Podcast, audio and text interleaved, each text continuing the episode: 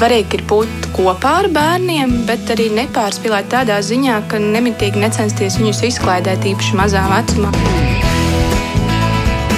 Mēs tiekamies ģimenes studijā.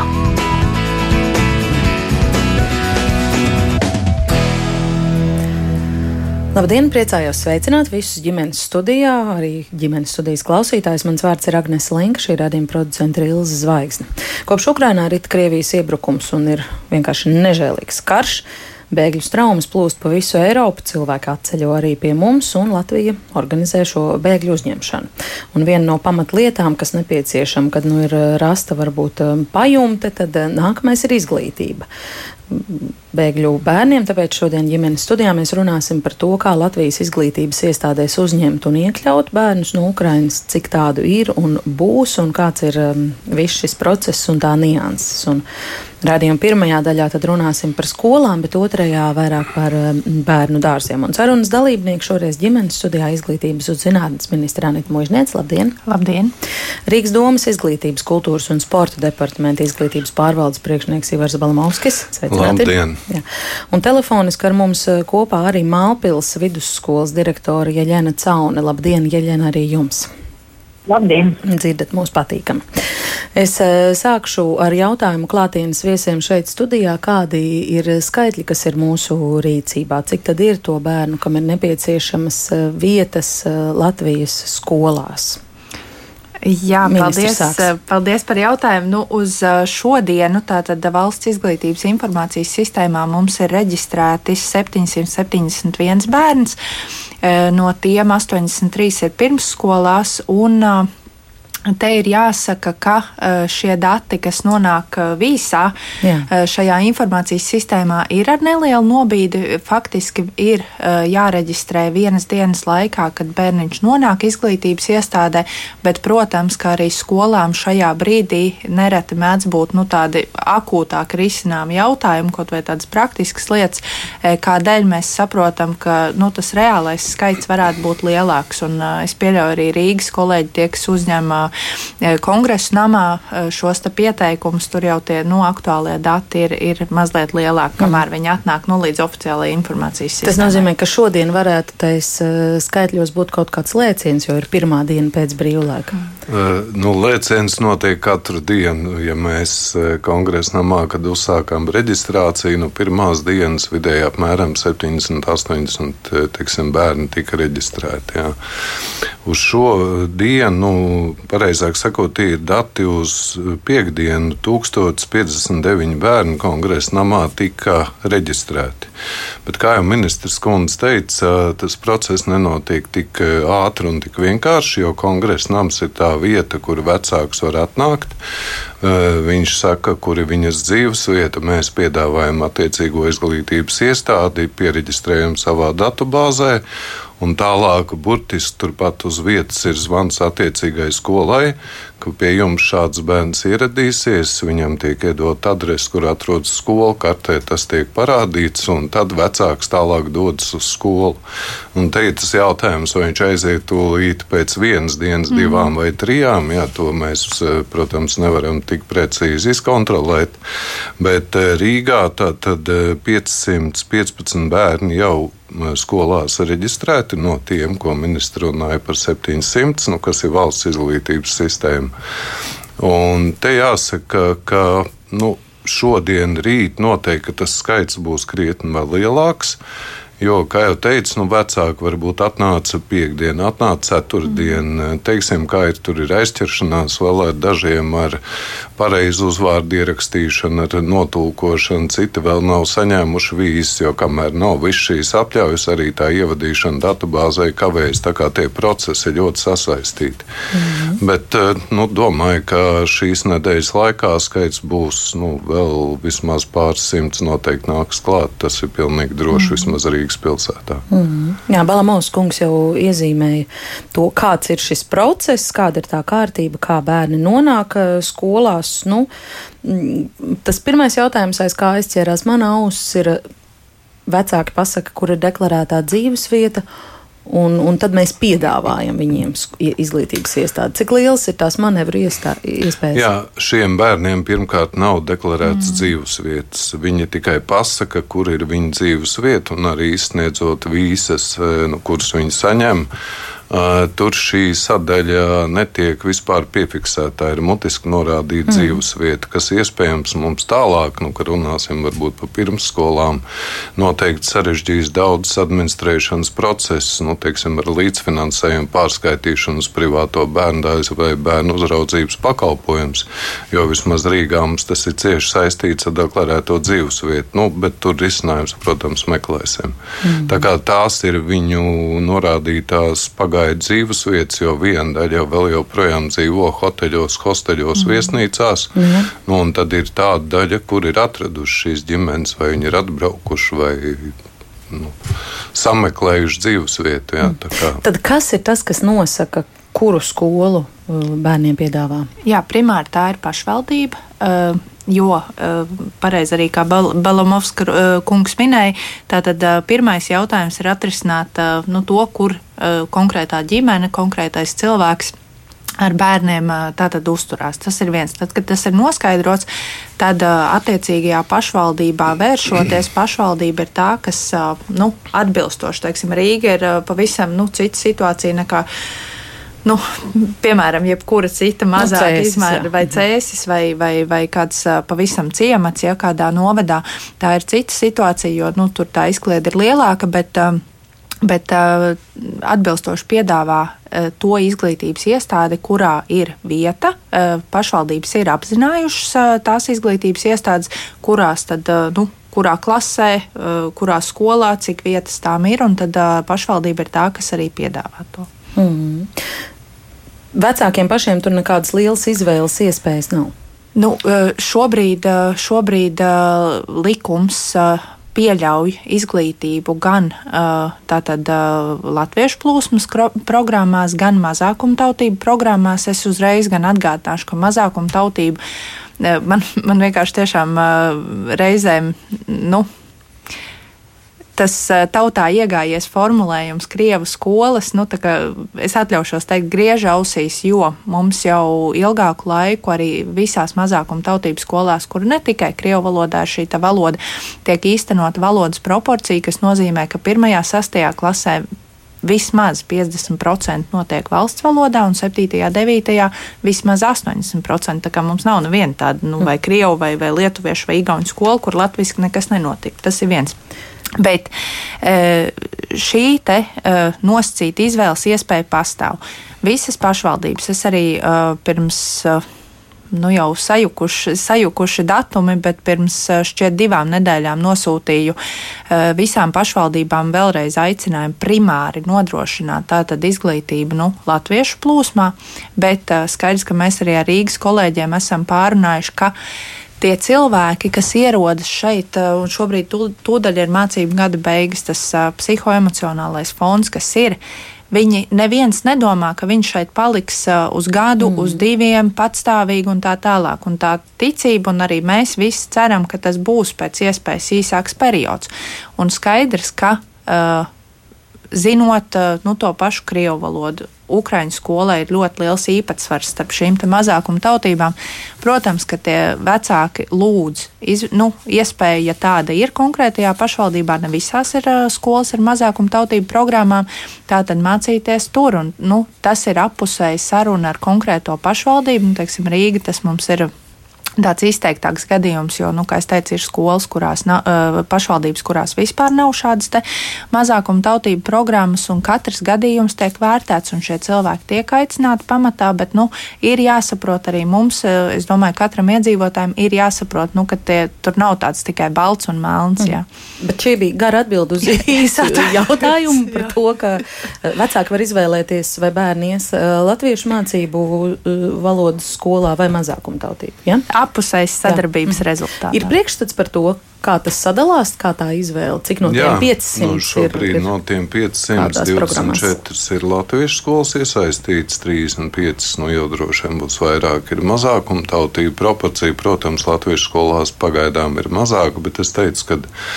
Te jāsadala divās arī daļās šīs nu, divas nedēļas, kamēr notiek šī reģistrācija. Mm -hmm. Tiešām paši pirmie, kuri šeit ieradās, pirmā skola, kamēr pat nebija atvērts kongresnams, bija tieši Ukraiņu skola, kas nu, praktiski visus šos bērnus -hmm. uzņēma. Jā. Viņiem arī šī informācija bija aizgājusi, ka ir šāda skola. Sākotnēji, protams, cilvēki varbūt pat domāja, ka tur mācības ir ukraiņu valodā, bet nu, tā jau nav. Ja viņi ir tieši tāpat mazākuma tautības skola, kurā ir ukraiņu valoda un priekšmeta bloki, kuros mm -hmm. nu, mhm. teiksim, valoda tiek izmantota. Un tās bija tomēr ģimenes, kuras bija atradušas jau savus radiniekus, draugus. Un, nu, kā piemērs, ja mums ļoti daudz vecāku saka, nu, mēs dzīvojam pie radiniekiem, draugiem. Un tur bērns mācās, nu, piemēram, Rīgas skolā X, Y vai Z. Nu, skaidrs, ka viņam ir drošāk nu doties uz skolu kopā ar šo ģimenes bērnu. Jā, tā kā arī tā bijis vēl. Skatoties to statistiku, jā, Ukraiņas skolā šobrīd ir 123 bērni reģistrēti, kas praktiski nu, tas ir maksimums, kas šobrīd eh, tur varētu būt. Jā. Un tad ir skolas, kur ir pa 15, 20, 25, bet tās atkal savukārt ir skolas, kur tūmā ir šīs viesnīcas, nu, kur viņi pagaidām dzīvo. Un, un, un tiešām nu, nebūtu prāta darbs, teiksim, viņus dzīt, es nezinu, tur entos kilometrus kaut kādu nu, citu skolu. Skaidrs, ka viņi tur konkrēti dzīvo pagaidām, tad tā skola tiek piesaistīta. Un, kā jau ministrs Kundze teica, nu, skatīsimies, paies šis mēnesis, ja viņi būs atraduši dzīvu dzīvesvietu vecmēlgrāvī, skaidrs, ka mēs paskatīsimies, vai tur nav skola, kur viņam operatīvi atkal var turpināt šo izglītību piedāvāt. Mm -hmm. nu, arī, teiksim, šodien konkrēts gadījums mamma dzīvesvietu atradusi ir Mārupē, nu, kas ir Rīgas, teiksim, mm -hmm. otra puse pāri ielai, jā. Piedāvāt ir Ziepnieka un sākuma skola. Nu, viņi saka, bet tur satiksme ir ļoti sarežģīta. Es gribu braukt uz centru, jo es varu iekāpt autobusā un izkāpt citādi viņiem apmēram 40 minūtes ar kājām jāiet. Mm. Nu, arī tādas ir situācijas, kas individuāli jārisina. Mm. Es uh, gribu iesaistīt mūsu sarunā arī Jeļenu Cauni, Mālpils vidusskolas direktore. Pastāstiet, kā šis process rit pie jums. Citādi mēs tikai par Rīgu, Rīgu vien, bet es zinu, ka arī jums jau ir pieredze ar Ukraiņu skolēniem, ir iestrādnes un arī infrastruktūra kopmītnes, kurās tiek izmitināts Ukraiņu mm, ģimenes. Kas šai procesā no jūsu skatu punkta ir uh, viegli un vienkārši un kas ir izaicinošākais? Nu, mums tā ir tik daudz, cik pirms diviem gadiem mācības mūsu skolā uzsāka viena meitene, kuras vecāki bija atraduši dzīves vietu Māpelī. Un tad, tad tas bija tāda pirmā mūsu pieredze, bet teiksim, tā, tā bija ļoti vienkārši, jo tas bija viens skolēns. Bet šobrīd tā pieredze ir daudzreiz milzīgāka, jo šodien no rīta mums uh, skolas uh, durvis vēra vaļā 41 ukraiņu skolēns. Un mums šie skolēni visi bija, bija jāuzņem, ar ko mēs diezgan veiksmīgi tikām galā. Bet, protams, tas ir mums izaicinājums liels visiem. Pagaidām mēs tādi mazliet varbūt apjukuši, kā to visu sakārtot tā, lai tas būtu atbilstoši mūsu izglītības sistēmai, tā, lai mēs integrētu šos te bērnus. Un, protams, kā jau ministrs kundze arī minēja, mēs nezinām, cik ilgi šis process būs, cik ilgi šie skolēni mūsu skolā būs, bet ļoti gaidam arī, teiksim, kādas sadarbību arī ar izglītības pārvaldi. Šodien mums no rīta arī bija saruna, lai tātad šo te procesu sakārtot un pēc iespējas pēc iespējas labāk, draudzīgāk visām iesaistītajām pusēm. Mm. Kāda atbalsta pasākuma tad jums būtu nepieciešama? Nu šobrīd droši vien, kad lielākais atbalsts mums ir nepieciešams tieši pedagoģu ziņā. Pagaidām mēs esam sakārtojuši un mums ir iespēja vismaz šobrīd klasēs, kur tas bērnu skaits ir, ir lielāks klāt pienācēji, jo ir ļoti dažādi. Ir klases, kur ir viens skolēns atnācis, bet ir klases, kur ir septiņi skolēni. Un tad šobrīd mēs esam piesaistījuši arī pedagoga palīgu vai kādas brīvās rokas, kas tajā brīdī var piepalīdzēt. Un, bet, jā, cilvēku resursi būtībā un vajadzētu saprast, jā, kas notiek, teiksim, ar mācību gada noslēgumu, vērtējumi, nu tādas lietas arī vēl. Cik kopumā ir Mālpils vidusskolā skolēnu Bez ukrāņu bērniem, jūs domājat, vai, vai jā, bez, nu, lai to proporciju saprastu. Uh, jā, 336 skolēni Maltas vidusskolā, un tad šodien mums pievienojās 41 skolēns. Un kādās klašu grupās ir šie jaunpienācēji? Uh, sākot no pirmās klases līdz pat desmitai klasē. Mm. Kurās, kurā vecumā visvairāk ir atbraucēji? Uh, visvairāk ir tā, tad ir trešā klasīte, kur ir septiņi bērni, uh, astotā klase, kur ir pieci, ceturtajā klasē pieci un pārējās klasēs tad ir pa trīs, pa divi uh, skolēni. Un ir jau no pedagogiem arī kādas pirmās atsauksmes, kā šī diena ritēja? Nu, sarunā ar pedagogiem mēs jau īstenībā piekdien bijām uzaicinājuši šos cilvēkus atnākt iepazīties ar skolu, ar vērām durvis vaļā, lai tātad gan vecāki, mammas un, un, un, un bērni paši redzētu skolu. Un ar, ar pedagogiem jau bijām arī bijām vienojušies par to, ka pirmās dienas noteikti uzsvars būs uz klases mikroklimatu, attiecībām, drošību un, un, un tādām lietām, un tad jau Skatīsimies šodien pēcpusdienā tiekamies arī ar uh, pedagoģu kolektīvu, lai pārunātu, kā mums ir veicies šodien un uh, kā turpmāk darīsim. Tad tas galvenais uh, iztrūkums būtu tiešām fiziski vēl papildus skolotāji, kas varētu strādāt ar šiem. Papildus skolotāji, jā, un droši vien, ka būtu jāsaprot arī mācību materiāli, jo, pieņemsim, mums ir informācija par to, ka uh, ir bērni, kas uh, turpina arī mācības online no savām skolām, bet, bet kaut kādu varbūt tādu informāciju, kas nonāktu tiešām tā oficiāli līdz skolām, ka tādas ir iespējas, ir tādas, ir tādas un ir tādas. Ministrs kundzei lūksim komentāru, ko teiksiet par kolēģis sacīto. Jā, es Jā. varu piekrist, ka uh, it īpaši tajās izglītības iestādēs, kur nonāk liel, liels skaits uh, skolēnu, kas atkal raksturīgi ir vairāk tieši novadam, novada, novada teritorijām, kur ir mazāks skolu skaits, ka viņas nevar tā izkliedēt, ir pedagogi, atbalsta personāls. Tas, tas tā pilnīgi noteikti varētu būt. Mēs jau Ukrainas civiliedzīvotāju atbalsta likumā sākotnēji esam paredzējuši ja es te pareizi atceros, 15. pāns ir tas, kurš saka, ka gan uh, tie uh, civiliedzīvotāji, kas ierodas, tātad, ja viņiem jau ir pedagoģiskā pieredze, darb, uh, nu, izglītība, viņi var tikt nodarbināti uh, arī šeit skolās. Uh, attiecīgi pašvaldības ir aicināts arī uzņemot uh, šos cilvēkus apzināt. Uh, apzināt to, to nodarbošanos. Es zinu, ka ir novadi, kas to dara, ir, ir tas arī vēl ir procesā. Nu, mēs visi mācāmies šajā situācijā, eh, lai tā eh, kopējā sistēma reģistrācija notiktu. Eh, tas ir viens. Otrs, tieši tāpat arī jebkuru bez šīs izglītības Ukraini, kurš ierodas, ja ir vēlme, var iesaistīt kā, kā atbalsta personālu. Tā arī ir opcija. Atkal pašvaldības noteikti nu, būtu jāaicina šie cilvēki, jāuzrunā. Tieši tāpat arī tiek apzināti vietējie resursi ar ukraiņu valodas zināšanām. Bet skaidrs, ka tas ir izaicinājums. Bet es domāju, nu šis ir tas brīdis, kad mēs visi saprotam, ka tāda ideāla procesa nav un nevar būt. Nu, visiem ir vienkārši jāsēž, jāsēž kopā un maksimāli jāizdara viss, ko mēs varam izdarīt. Cik reāls jums šķiet šīs cerības, ka tieši to Mm, Ukrainas bēgļu vidus varēs rast tos uh, skolotājus vai, vai, vai atbalsta personālu?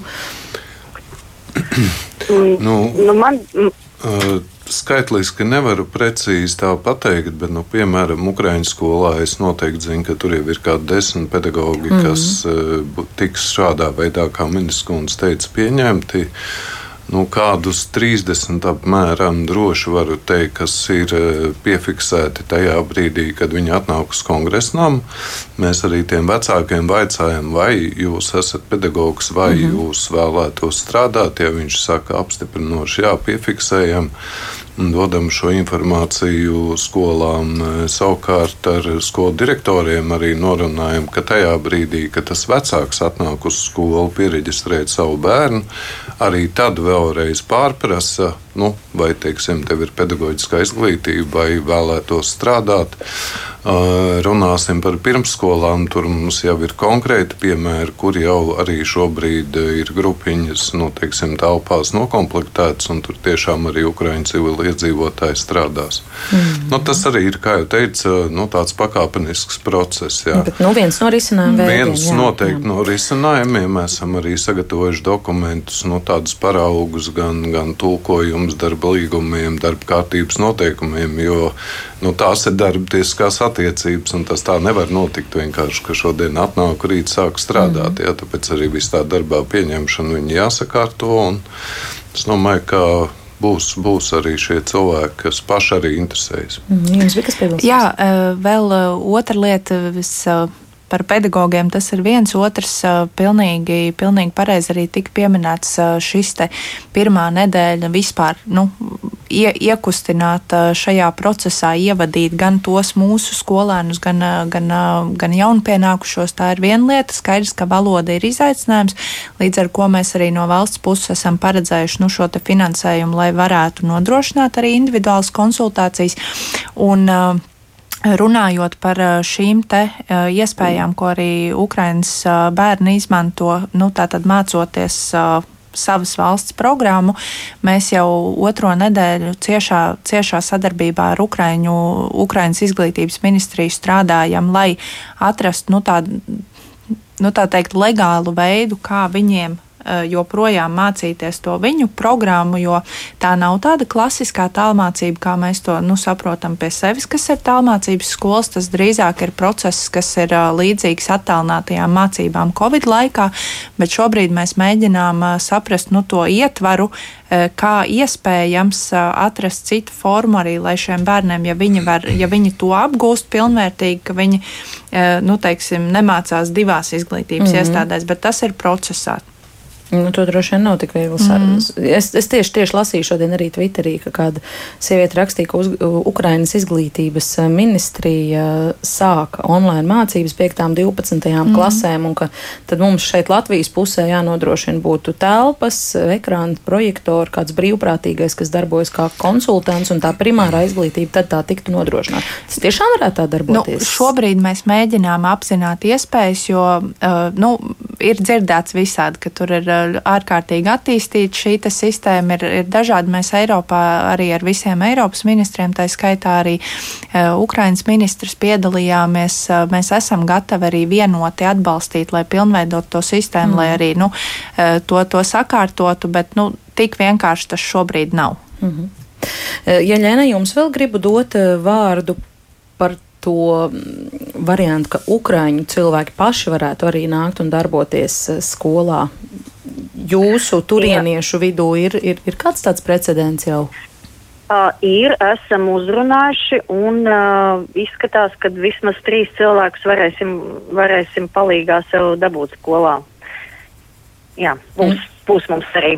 Jā. Droši vien, ka tikai vēl nav sakārtoti tiešām jā, tie papīri, kas ļauj, ļauj uzsākt darba attiecības, bet, bet, kā jau pareizi minēja, tas nav vienas dienas sakārtojums jautājums. Līdz ar to es domāju, ka pamazām arī šis jautājums noteikti sakārtosies. Mm -hmm. Mums eh, tagad pastarpināt pievienosies vēl uh, pāris runātājs. Mums ir ieraksts no Katoļu ģimnāzijas, kas ir neliela privāta skola Rīgā kur jau ir pieredze ar uh, latviešu nerunājošu bērnu uzņemšanu un arī viņu sekmīgu iesaistīšanu mācību procesā un apmācību. Un man kolēģi Mērķis Notiņa paviesojās tur, lai uzklausītu uh, skolas pieredzi, bet vispirms viņi tur sastapās uh, ar divām mamām, kas tieši tobrīd bija ieradušās apskatīt šo skolu un uzzināt par mācību iespējām tajā. Tad mēs, mēs paklausīsimies viņu teiktajā.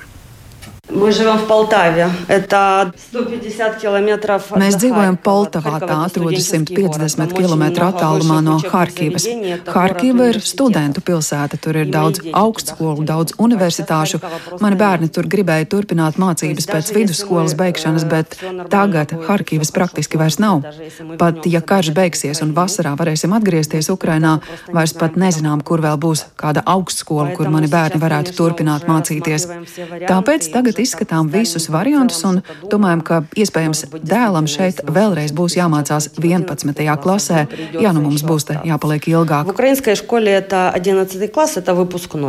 Ukrainā 11. klase ir vidusskolas izlaiduma klase, un šogad viņam bija jāliek noslēguma eksāmeni, bet te mums teica, ka esam nokavējuši pieteikšanos uz centralizētajiem eksāmeniem. Mums izdrukāja pagājušā gada eksāmenus, dēls tos tagad pilda. Latvijā skolu absolventi pašreiz kārto angļu valodas eksāmenu, mans dēls arī tikai pats mājās un to, kas bija pagājušajā gadā. Tāpēc esam nolēmuši pabeigt mācību gadu šeit, bet kas būs nākamajā, to jau neviens nezina. Bet kā jūs atradāt šo skolu? Šo skolu mums ieteica radinieki, pie kuriem tagad esam apmetušies. Bijām arī mazākuma tautības skolā interesēties. Ārkādija man šķiet tā to skolu sauca. Pēc kādiem kritērijiem tad izvēlēsieties skolu? Pirmkārt, lai paralēli mācības notiktu arī Krievu valodā, jo mans bērns neprot latviešu latviešu valodu, tieši tāpat kā es. Un svarīgi, protams, lai būtu labi pedagogi, laba apmācība.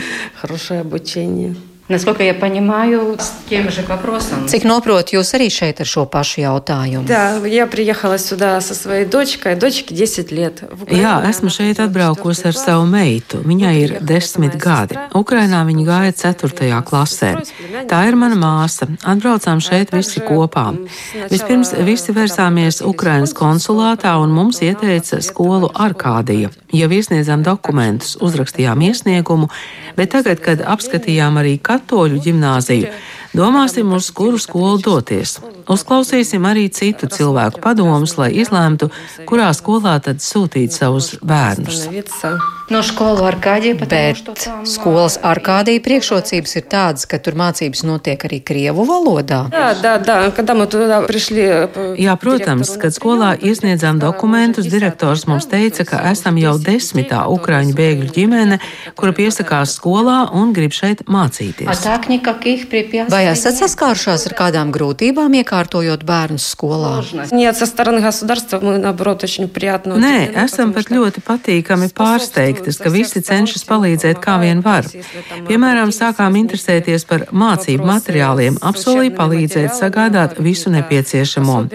Visi cenšas padarīt maksimāli vieglāku bērnu pārēju no mācībām Ukrainā uz mācīšanos Latvijā. Un kā ar latviešu valodu? Šobrīd mēs ļoti ceram, ka tas tikai uz laiku, ka mēs atgriezīsimies Ukrainā. Un ļoti negribas izskatīt kaut kādas ilglaicīgas perspektīvas, jo ļoti ceru, ka mūsu dzimtenē drīz atkal būs miers un mēs varēsim braukt mājās. Un negribas nemaz domāt, kas ar mums notiks pēc diviem vai pieciem gadiem. Šobrīd mūsu vienīgā vēlme ir atgriezties Ukrainā, jo tur palika mūsu vīri. Tur palika arī mans vecākais dēls, viņam jau 18. Tāpēc mēs gribam atgriezties mājās, lai cik labi te arī ir. Jūs taču saprotat, ka mājās tomēr labāk. Вы же понимаете, что дома лучше. Nu, данный момент, конечно, надо. Bet bērniem tomēr jāturpina mācīties. Ну, конечно, ну, конечно, да. Они же школьники, это дети школьного возраста, которым Jā, protams, viņi taču ir skolnieki, kuriem noteikti jāturpina mācīties un pilnveidot savus talantus. Bērni jau ļoti ātri apgūst visu jauno, arī valodas. Esmu pārliecināta, ka, ja vajadzēs, bērni daudz ātrāk iemācīsies latviešu valodu nekā mēs, jo viņi būs starp saviem vienaudžiem sabiedrībā. Mēs, protams, tagad izmantosim visas iespējas, lai bērni šeit iekļautos vidē un šajā valodā. Bērniem jāturpina izglītoties. Nu, развиваться нужно детям, конечно.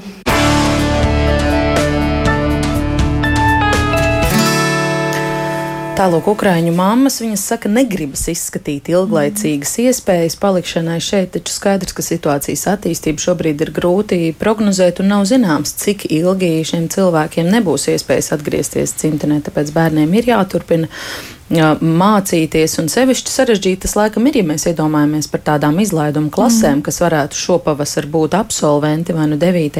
vai 12. klasēs, vai kā šajā gadījumā 11. klases puisis, kam šai pavasarī būtu bijusi skola jābeidz. Kā ir ar tiem? Gadījumiem šādiem? Jā, klausoties, es mazliet esmu izbrīnīta, jo tā mūsu rekomendācija ir skaidrs uzņemt atbilstoši vecumam, mm. un tās atšķirības ir no Latvijas un Ukrainas izglītības sistēmas, kur viņiem ir 11 un attiecīgi beidzēji ir 8 un 11, nevis 9 un 12, bet mēs rekomendējam šos te beidzējus tātad, nu, transformēt uz mūsu noslēguma posmiem, 9. un 12. klasi. Viņi visi ir atbrīvoti no eksāmeniem. Šodien arī pirms raidījuma tieši parakstīju nākamos priekšlikumus arī uh, likumā.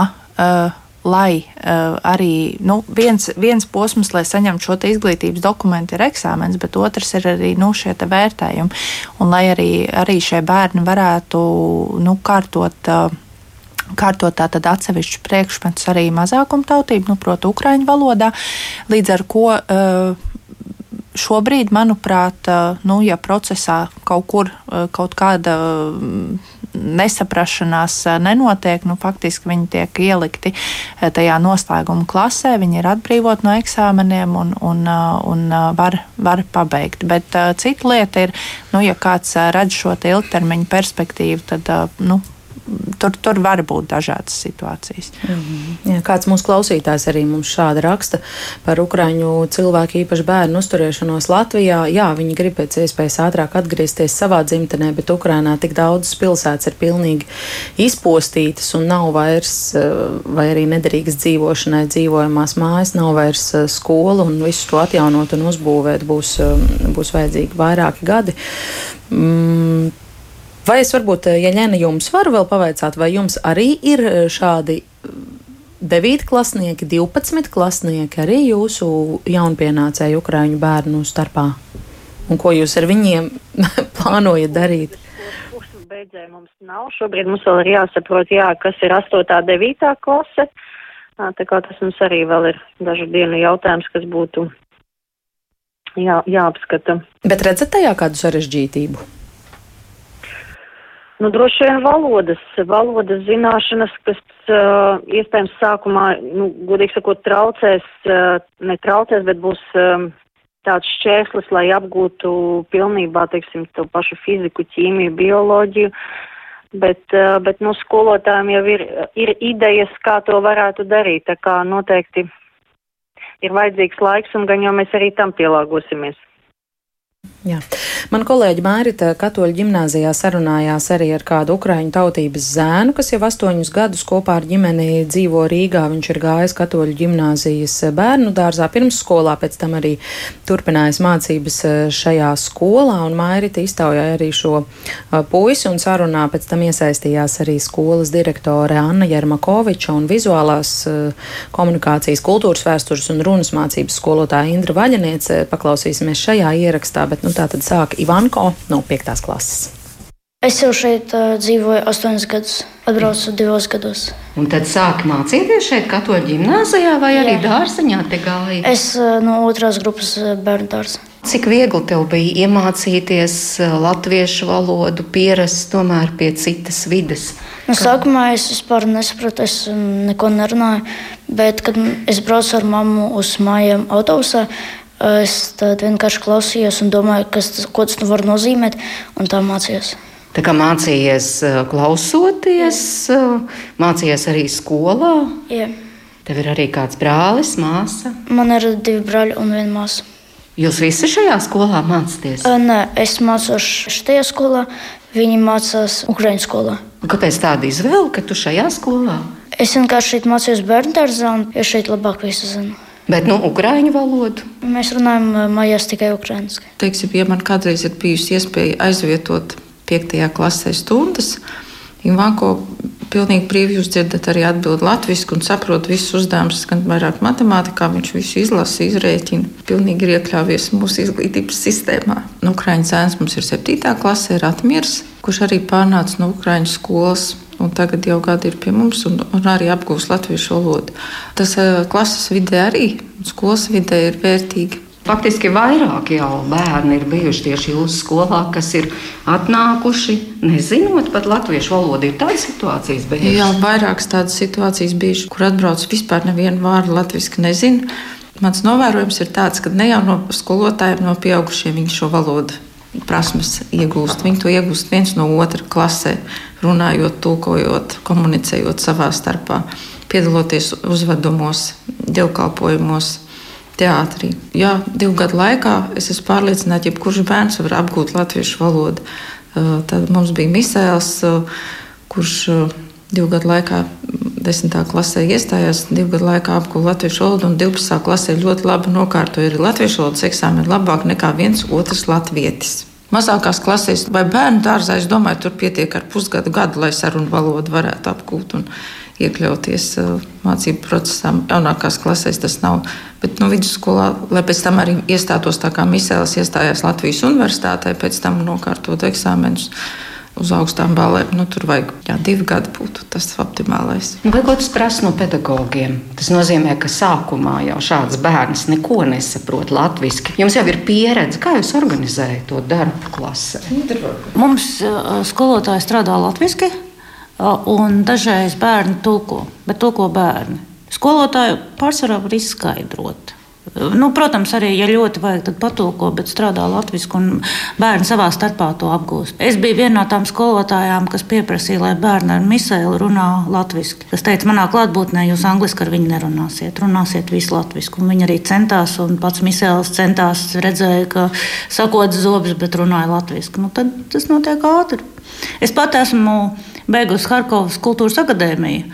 Un tad, kad es aizbraucu mācīties, mana krievu valoda nebūtu nebija laba. Nu, jā, es mācījos krieviski. Man ļoti strauji palīdzēja tas, ka mani kursabiedri un man pasniedzēji neko nespēja izskaidrot latviešu. Viņi nevarēja man neko pārtulkot. Viņiem nācās man skaidrot vēlreiz un vēlreiz. Un tā ļoti ātri vide ir tā, kas dod to iespēju. Nu jā, bet savā ziņā tas tomēr kaut kā arī mums arī kā pedagogam savs darbs jāpārkārto. Nu, tur viens otram tulko un tam līdzīgi, nu, tas rada kaut kādu papildus apgrūtinājumu. No mūsu skolā laikam mums ir baigi paveicies, jo mums ir mazas klases un viegli strādāt. Nav 30, ir 11 bērni un patiešām var katram paskatīties līdzi, vai viņam izdodas.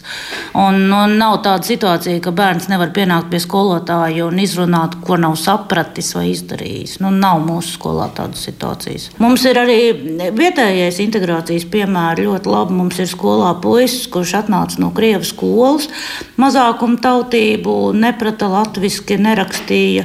Tagad arī viņš raksta un lasa un visu dara latviešu.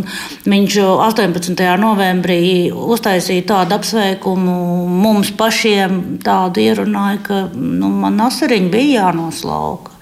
Tā kā bērni tiek ar visu galā. Jautājums ir par mums.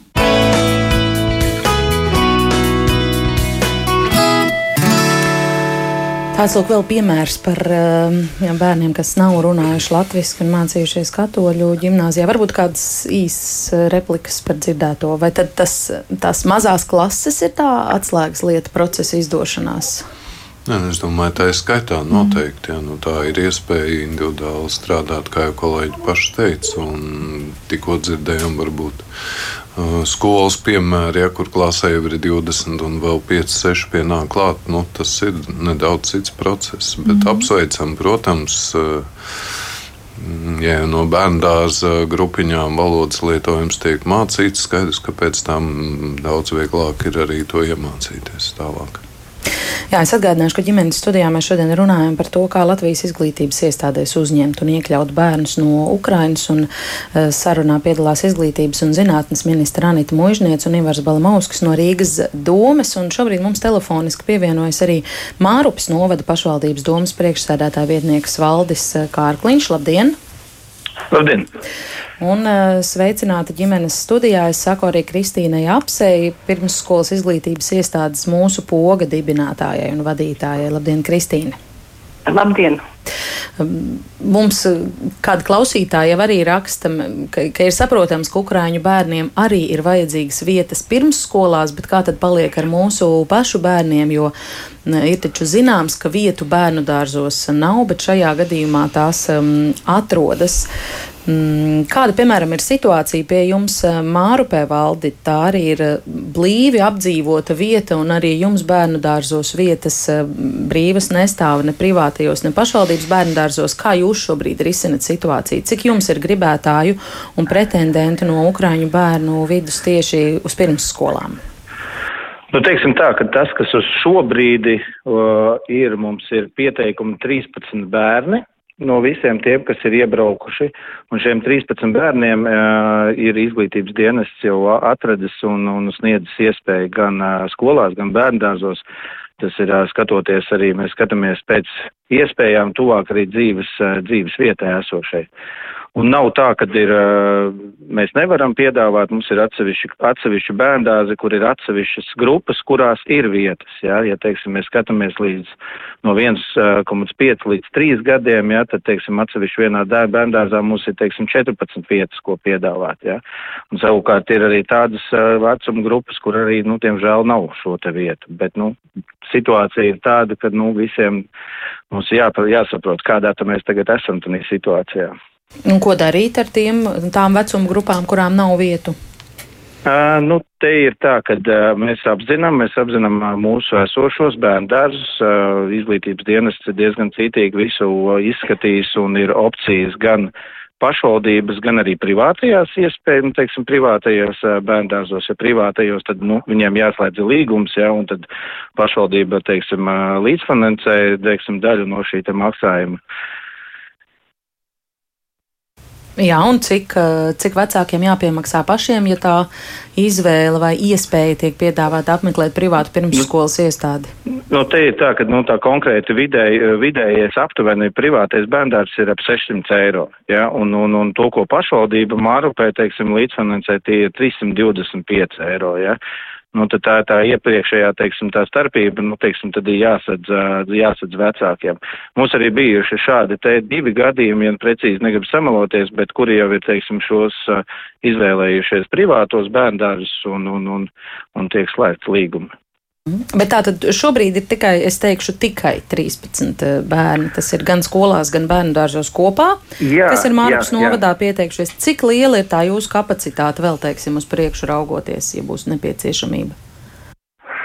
Tu tā grūti uzreiz pateikt. Es varu pateikt to, ka, teiksim, tas, kas ir Mārupē, ir Mārupē uz doto momentu reģistrēti vispār 222 uh, Ukrainas iedzīvotāji, ja, no kuriem, teiksim, ja mēs skatāmies no 2 līdz 18 gadu vecumam, ir 93 personas. Uh, un no tām 93 personām, teiksim, uz doto momentu, teiksim, mēs esam saņēmuši iesniegumus tikai no 13. Jā. Bet Tas nozīmē, ka 80 ko, ko... vēl karājas gaisā. 80 karājas gaisā, bet tas nozīmē to, ka izrietot arī no šīs te reģistrācijas, jā, teiksim, arī, jā, teiksim, izglītības dienas strādā un meklē šīs te iespējas, jā, teiksim, ir arī citas alternatīvas, teiksim, mazajiem bērniem, jā, teiksim, kad ir uh, slēdz pakalpojumu, teiksim, auklītes, jā, teiksim, šī pati, teiksim, Ukrainas uh, iedzīvotāja, jā, viņa uh, viņi slēdz līgumu un, teiksim, veido tā kā auklīti, ja, kur viņi var paņemt līdz pieciem bērniem. Ja. Pagaidām mums vēl neviens, nu, nu nav līgums šāds noslēgts, ja. bet mēs vēl tieši šodien vēl runājām arī ar sociālā dienestu, kad uh, lūgums bija piefiksēt, teiksim, profesijas, ja, ja teiksim, atnāk atbrauc uh, persona un viņi ir saistīti, viņa izglītība ir, teiksim, saistīta ar izglītības, tad, tad mēs reiz ņemam primāru un sākam jau ar šo te personu runāt, vai viņa būtu gatava Un ja viņi ir gatavi, tad tālāk jau pašvaldība tālāk jau domās, kādas tad tās ir tās telpas. Jā. Jā, Kristīne, apse mūsu poga vadītāja. Mūsu poga ir bērndārs, kas darbojas, privāts bērndārs, kas darbojas Rīgā. Arī jūs esat kaut kā gatava šobrīd elastīgi rīkoties. Kāds ir tas jūsu plāns? Jūs arī gribat piedāvāt eh, bēgļu bērniem vietas bērnu dārzā? Jā, nu, eh, tas sākums bija tāds, ka tajā brīdī, kad uh, bija jau zināms, ka bēgļi būs un bija arī akcija palīdzēsim bēgļiem grupa un tā, tad es jau tajā grupā aizpildīju anketu ar to, ka mēs noteikti meklēsim veidus, kā palīdzēt. Un šobrīd mums jau nedēļu nāk viena sešgadīga meitenīte pogā, otrā nedēļa tagad sākās, kuru mēs paņēmām mm, pagājušu nedēļu. Un uh, viņa iet savu vecumu grupā kopā ar sešgadniekiem, un tas sākums bija ārkārtīgi, nu, īstenībā aizkustinošs, jo uh, arī blakus grupas septiņgadīgie bērni um, dāvināja viņai karodiņus zīmētus un centās komunicēt angliski, tā kā tā krievu valoda bērniem nav, nav no tām veiksmīgajām. Tas ir tas mūsu pirmais solis. Bet nākamais solis, tā kā mums pārējās grupiņas ir pilnas, tad mēs um, nolēmām atvēlēt Ukraiņu bērnu grupiņai telpu, uh, kas ir nodarbība telpa mūzikai un sportam. Uh, Un uh, tur mēs plānojam 12 bērniem nodrošināt vietas, un šobrīd jau 8 bērni mums ir pieteikušies, un īsnībā mēs jau uh, rītdien esam gatavi tā kā tādu iepazīšanās rītu bērniem organizēt. Un uh, man jāsaka liels paldies Rīgas domai par ārkārtīgi operatīvo tīmu sapulci, kura bija ļoti konstruktīva un uh, Un visā tajā sarunā bija jaušama tāda liela vēlme apiet birokrātiju, nu nevis apiet, bet mazināt birokrātiju un tiešām palīdzēt, uh, kas arī notiek saistībā ar visu bērnu reģistrēšanu. Protams, ir daudz nezināmo uh, paši uh, Ukraiņu vecāki vēl kurš tur stāv vēl rindā un tikai aprīlī tiks pie tā reģistrācijas koda, bet es ceru, ka viss sakārtosies. Uh, un uh, arī par darbiniekiem runājot, um, šajā te Ukrāņu bērnu grupiņā mēs plānojam sākotnēji nodarbināt tieši uh, Ukrāņu uh, darbiniekus ar vēlmi palīdzēt arī darba ziņā, un uh, mēs esam atraduši pedagogu ar atbilstošu izglītību un arī pedagogu palīgu. Uh, protams, domājot par integrāciju un iesaistīšanu, mēs noteikti arī meklēsim veidus, kā latviešu valodu viņiem mācīt. Tomēr tā būs jaunākā vecuma grupa no pusotras līdz četri gadi, un ir skaidrs, ka bērni ir pārdzīvojuši milzīgu stresu, viņi ir izrauti ārā no savas ikdienas vides, tāpēc nu, man šķiet, ka sākuma posms viņu dzimtajā ukraiņu valodā priekš viņiem būs tas labākais risinājums šobrīd. Tātad var teikt, ka jūs veidojat atsevišķu bērnu dārzu grupiņu tieši ukraiņu uh, bērniem. Kas uh, un, un kā par to maksās? Kā jums ir ar finansējumu jautājumu? Jā, jā Rīgas dome uh, ir apņēmusies maksāt līdzfinansējumu summu tādu pašu kā pārējiem bērniem šajā vecuma posmā, eh, un eh, mēs esam nolēmuši no šiem te vecākiem neprasīt nevienu centu, un man liekas, tas bija arī Rīgas domas uzstādījums, ja es pareizi, ja es neko nejaucu.